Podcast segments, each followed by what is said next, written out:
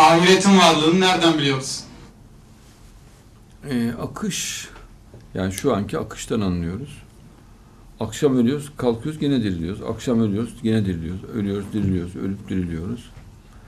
Ya Allah, e, yani bu sistemi devam ettireceğini söylüyor. Zaten durması için de bir neden yok. Teknik olarak da zaten yok olmaz. Yani var olan bir şey yok olmaz. Bir görüntü hiçbir şekilde yok olmaz. Yani fizik açıdan yok olmuyor zaten. Yani şu ana kadar geçen hiçbir görüntü fizik olarak yok olmaz. Dolayısıyla gelecekteki görüntüler de yok olmuyor. Sesler de yok olmuyor. O yüzden fizik açıdan da bu sabit, açık bir gerçek olarak görünüyor. Ama tabi imandır asıl olan, iman edilmesidir. Mesela rüyadan kalkıyoruz. Aa diyoruz ne güzel aydınlandı ortalık birden.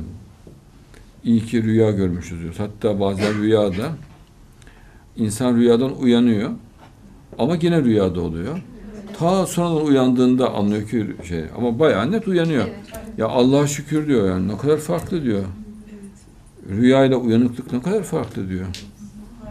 Allah korudu yani eğer diyor gerçek olsaydı ne olurdu kim bilir diyor. Abi haberi yok. Derin uyku halinde yine.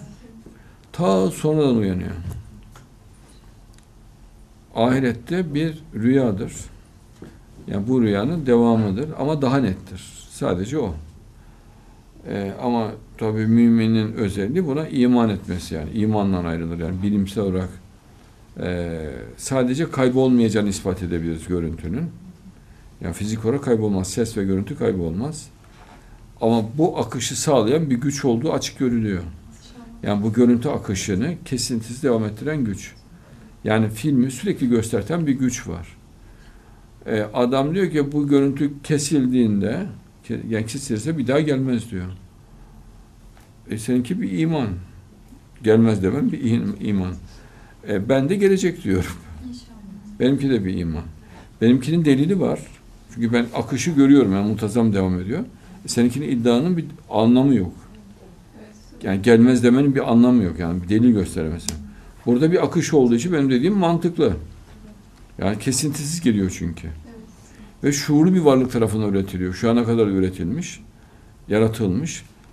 E, ondan sonrası niye yaratmasın? Yani niye devam ettirmesin? Bir mantığı olmuyor. Yani o ana kadar yarattığına göre.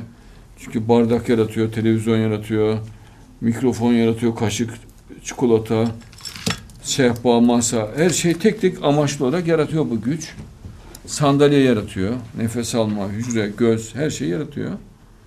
Birdenbire kesip yokluk meydana geliyor. Amaç ne? Bilmiyorum diyorsun. Ya bu kadar şuurlu bir güç, bu kadar detay, halıların içindeki kromozomlara kadar teker teker yaratacak. Yani milyonlarca, trilyonlarca detay yaratacak. Trilyonlarca detay, görüntü, zık diye birdenbire kesilecek duracak. Amaç ne diyeceksin Allah? Hiçbir amacı yoktu diyeceksin. Yani bardağın amacı olacak, televizyonun amacı olacak, ayakkabının amacı olacak. Yaratılmanın amacı olmayacak adamın iddiasına göre. E bu çok münasebetsiz bir şey. Yani bu açık. Her şeyin bir amacı olduğuna göre yaratılmanın da bir amacı olmuş oluyor. Amacı olunca kesilmesinin bir amacı kalmamış oluyor. Yani kesilme amacından bahsedemezsin. Yani her şeyin yaratılmanın bir amacı olduğuna göre yaratılmanın devamı mecburi olmuş oluyor. Yani ikinci bir ihtimal olmaz. Çünkü yaratma amacıyla e, muazzam çelişki meydana gelir o zaman. Yani her şeyin bir amacı olduğuna göre e, devamın mecburiyeti mevzu bahis olmuş oluyor. İkinci bir ihtimal olmaz o zaman.